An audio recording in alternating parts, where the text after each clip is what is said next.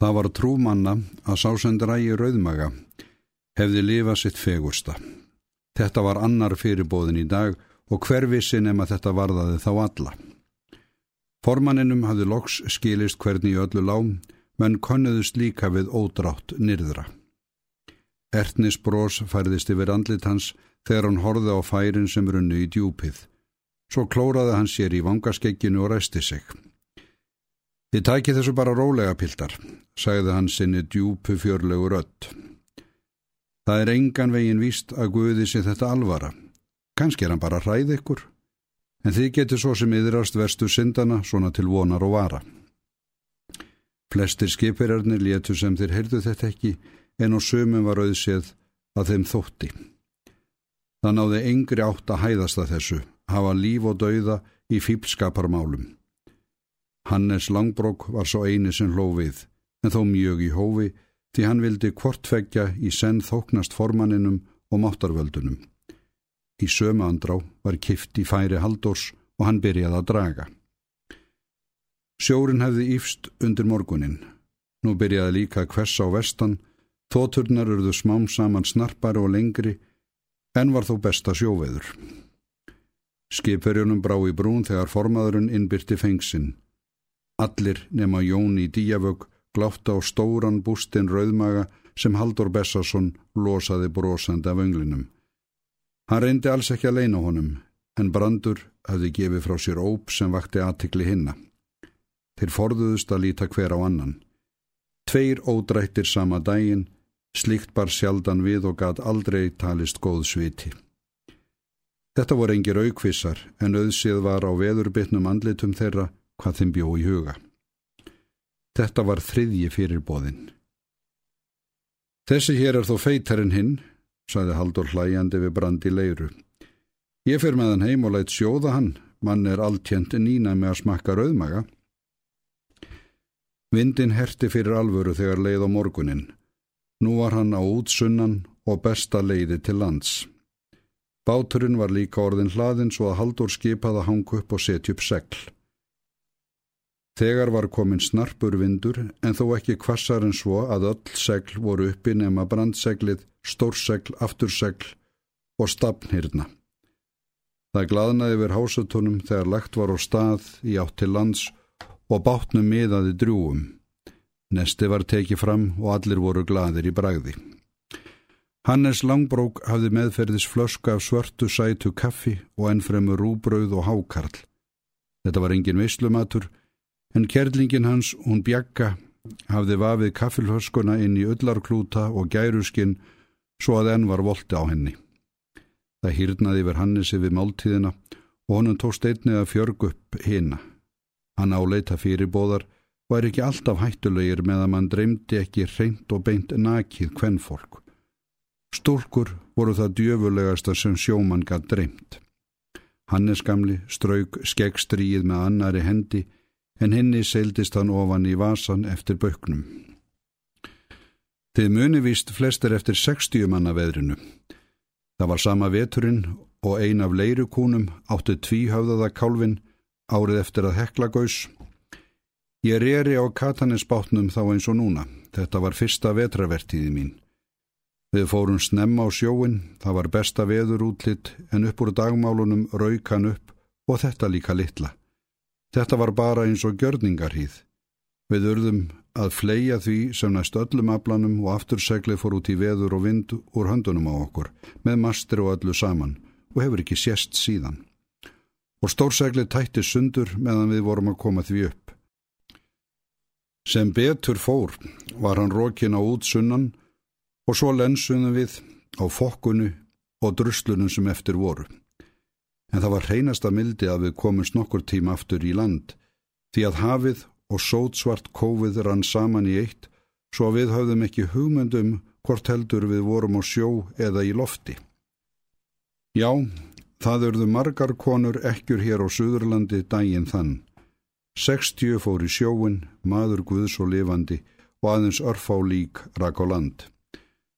Við urðum að hleypa upp í brimgarðin langt austur og söndum, maður guðs og lifandi. Báturum brotnaði spón og við björguðumst með naumyndum. Það veit Guð að þetta er versta mandrópsveður sem ég hef komist í. Og það sem ég vildi sagt hafa, alla nóttin á undan dremdi mig að ég væri að aðtapna mig með vinnukonunni og tækist það ekki. Ég var svo hart keirður á svitin bógað af mér þegar ég vaknaði. Körlunum var skemmt. Þeir voru nú orðni sattir og letu bauk hann að ganga. Bjarni í lóni, glúrin náungi með gletnisklampa í augum og söðslegur og svip þurkaði sér um munnin á handarbækinu og gaf Hannesi hornuga. Hefur þér annars nokkur tíma tekist það, Hannes minn, spurði hann sakleisislega. Nú skellilhóðu allir sem frammi í voru. Hannes gamli hafði aldrei eignast barn. Rifaðu stórsækli bjarni. Bassarödd formansins skarst gegnum háreistin og stormin. Vindin hafði hert fyrr en þá varði og sjórin var orðin varhugaverður. Jáframt hafði frostið aukist, andgufan varða hélu í skegginu og bátinn klakaði.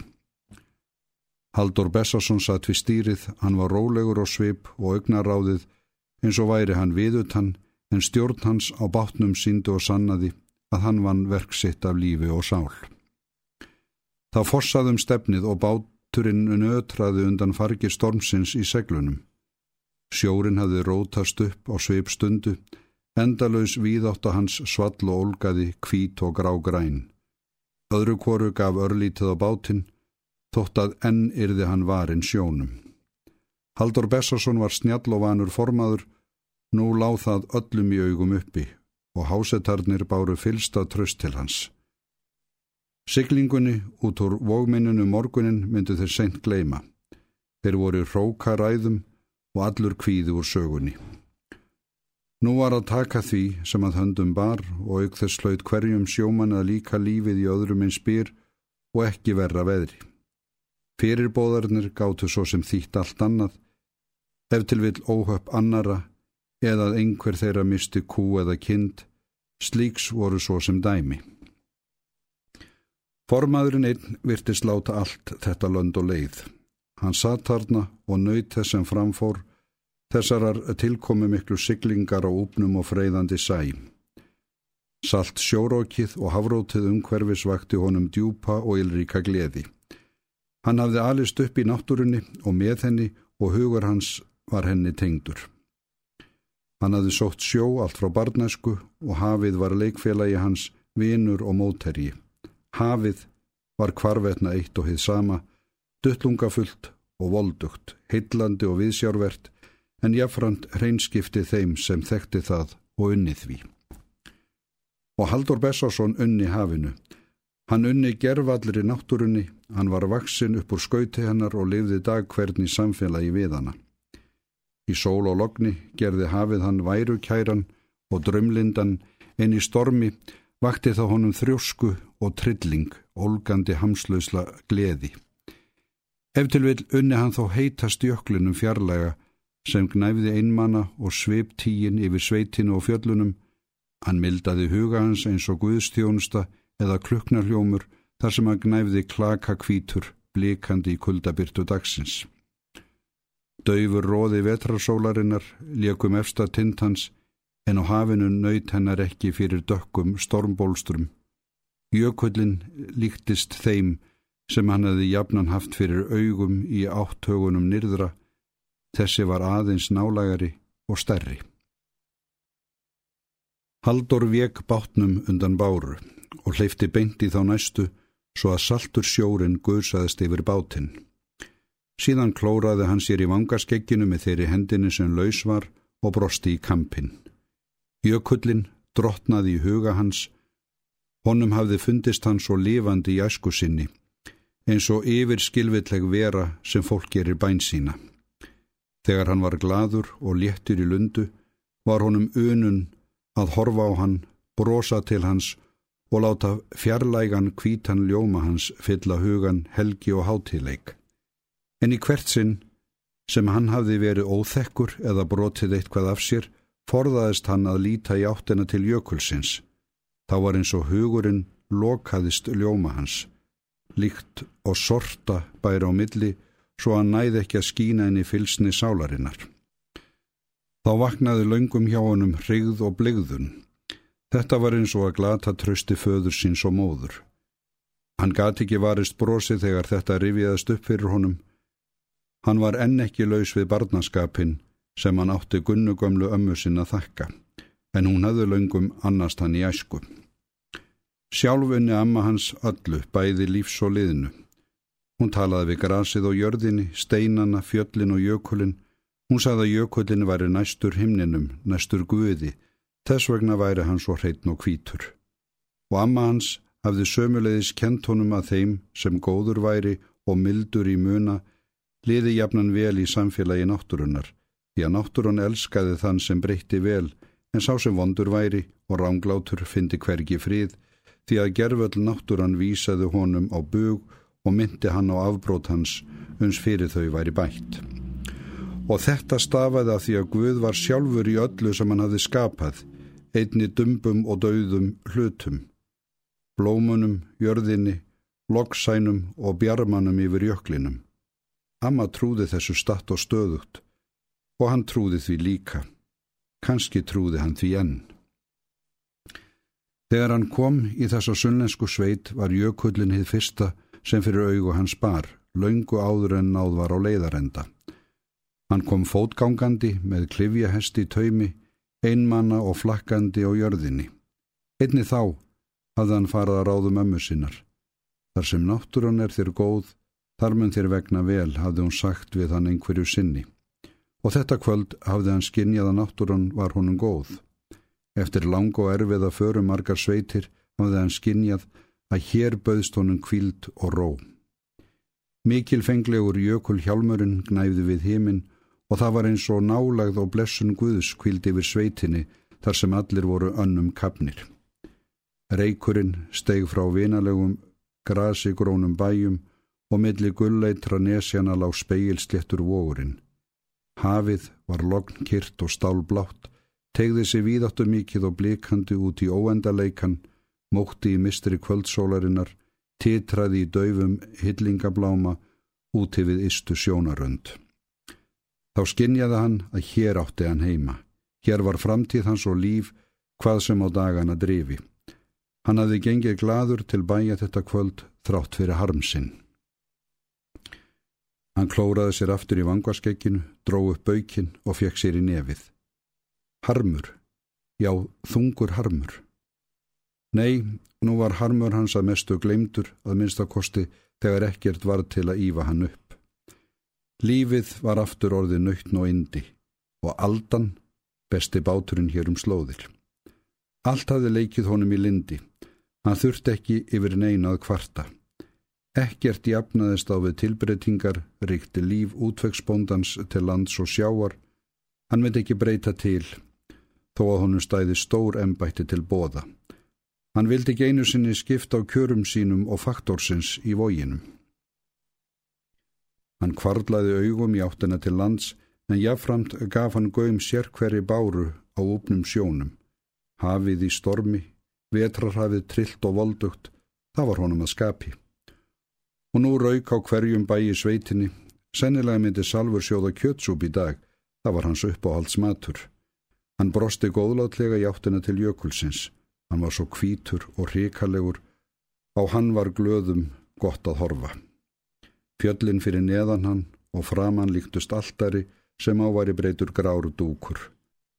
Og báturinn stemdi hratt að landi, Hann var eins og lítið, veikburða sjóskrimsli sem örslaði viti sínu fjær yfir freyðandi og æðandi sjóina. Helst hefði hann kosið að vera uppi í fornöld þegar vikingarnir sildu til fjarlagra landa og rændu fjö og fljóðum. Þá hafði lífið verið frjálst og ævintýraríkt og hvergat lifað og látið eins og hann vildi. Þá hefði hann blótað þór og óðinn, sérilagi þór, því hann var sterkur og sannur guð Guð sem hlaut að vera hverju karlmenni að skapi. En þetta var svo sem líka líf sem sagði sex. Já, karlminn, honu svall móður í brjósti og hann var til í allt. Gleði hans leitaði þeirra rútrásar sem fyrst varð fyrir, áður en hann vissi af var hann farin að hveða rimnastef um kapp og vináttu röskra drengja. Skipverjarnir getur hrífast af djúpum sterkum rómnum og brátt sungu allir við raust. Haldóri fataðist ekki stjórnin að heldur og andlit hans var hörkulegt og rólegt en augun ljómuðu eins og í glöðu barni. Andartak var þonum hugsað til æskur vinar síns Þorstins Þorstinssonar sem var giftur henni. Nú vantaði hann það að eitt að eiga vin, góðan dreng, sem hann gæti rætt við um harm og gleði og drukki með í góðu tómi. Kona gæti aldrei orðið sami vinur og karlmaður. Hann leit á Jón í díavögg og augnaráð hans varð íhugvöld. Í næstu andrá laut hann áfram og rópaði eirað á honum til að yfirgnefa söngin og stormin. Nú er þó lífi í tuskunum lagsmaður. Jón Jónsson kinkaði kolli án þess að lítum auksl. Söngurinn þagnaði þegar stormin lægði skömmu síðar. Í sama mund tókast líta úr loftinu örli til snjókorn, svo kvesti aftur um stund, en nú var vindurinn vestlægar en áður. Fljótlega hægð á ný og fjúkið var stitt upp. Skipverjarnir litu hver á annan. Hvað áttu nú til bræðs að taka? Árar voru lagðar út og seglum fækka til vonar og vara. Snarpir sveipfindar voru algengir hér við ströndina að vetri til og nú var á öllu von. Ógnandi skýbólstra dró upp yfir fjöllunum og sortin út við hafsbrún þokaði snær. Jökullin kvarfi dimman gráma sem þokaði sniður eftir fjallgarðinum en jafnframt gáðu þeir því göym að öldugangin lægði úr honum dró einkennilega fljótt og það var ílsviti. Þeir þurft ekki lengi að býða skýringarinnar. Stundar fjörðungi síðar kvest á ný og nú snarplega. Hann var komin á út norðan og stormurinn stóð beint af landi. Seglin voru feldi í flíti. Skildi hann nú vera búin að ákveða sig, sagði Haldur gremjulega og spýtti út fyrir borðstokkin. Ætli það ekki, saði Hannes langbrók og drófið sig orðin. Hann bölvaði barm sér, siglingin var ólíkt skemmtilegri en barningurinn og Hannes gamli fekk orð fyrir að vera latur. Að þessu sinni helst stormurinn og jógst í sterkviðri. Það var ekki annar að kosta völ en að berja á móti og reyna ná landi í vóginum áður en myrkrið skill á. Horfurnar voru ekki verið en svo að það átt að geta tekist. Formaðurinn balvaði heitt og innilega þar sem hann satt við stýrið og hugsaði ráðsett. Öll kátina var rókin út í veður og vind og nú var báturinn orðin svo þungur í sjó að hann mjakaðist varla áfram. Utan á hann hafði hlaðist þygt klakalag og innan borðs var óþrifalegt um að litast, allt aðtað fiskslóri og slógi og öðrum óþverra. Hásetarnir voru eins og grónur við þótturnar, fyrirferðarmiklir og draugslegir, í ósútuðum lísisbornum skinnklæðunum og stóðu í fiski upp í kalva. Handleggir og bólir virtust límdir við árarnar sem þeir hreyfðu fjörlaust og sílalega. Á andliti hvers og eins kvildi nú sama seglan og deyfðin og um morgunin. Þeir fólu sig forsjóninni á vald. Haldur festi augun á Jóni í díavögg sem var í engu brúðið og hjá honum vaknaðu hörkukend velvild til þessa manns. En nú skildi hann grípi í ár hvað sem öðru liði. Það rann á hann vígamóður. Þeir myndi ekki ná heim fyrir en seint og síðar meir með þessu móti, ef þeir næðu þá nokkur tíma landi. Hann var þenn hamslausari þegar honum var þugsað til þessa voru þeir nú líka búnir að gera hann að kerlingu. Hann fekk Jóni Jónssoni stýrið og Jón tók við því án þess að segja orð, svo þreif haldur árin að þeim sem næstur honum var og rýri eins og berserkur. Hann hafði nóga krafta í koglum og honum var nöytn að neyta þeirra. Herðið ykkur nú, piltar, kallaði hann um auksl. Ykkur er alveg óhætt að dífa árunum, það er ástæðuleust að lífa sjónum.